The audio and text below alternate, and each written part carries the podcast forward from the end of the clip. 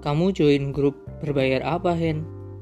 Itulah pertanyaan yang sering banget aku dapatkan terutama dari teman-temanku yang baru join atau terjun di saham atau cryptocurrency. Sebelumnya, kenalkan, namaku Mahen Indra. Balik lagi di Cakap Bareng Mahen. Oke, balik ke temanya yaitu perlukah join grup berbayar?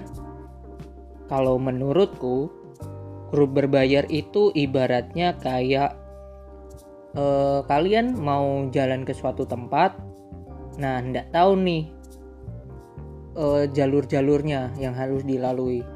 Ya, pakailah yang itu GPS atau Waze, ya gitulah. Nah, itu ibarat atau analogiku yang mencerminkan suatu grup berbayar.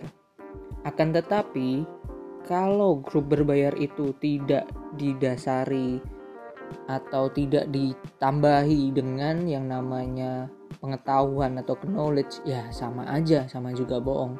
Maksudnya apa? Ya kalau cuman share beli saham ini di harga sekian, jual di harga sekian dan lain. Kita cuman itu doang, kita tidak mengulik lebih lanjut perihal oh kenapa sih si ini ngerekomin saham ini nah kita perlu juga nambahin knowledge kita. Biar apa? Biar tidak adanya ketergantungan terhadap grup berbayar tersebut. Ya sama dengan kita mau jalan di suatu tempat awalnya kita tidak tahu. Kita pakai GPS lah. Tapi kalau kita jalan ke situ terus yang ngapain kita pakai GPS lama kelamaan kan kita udah hafal. Satu ya ngemat daya gadget juga.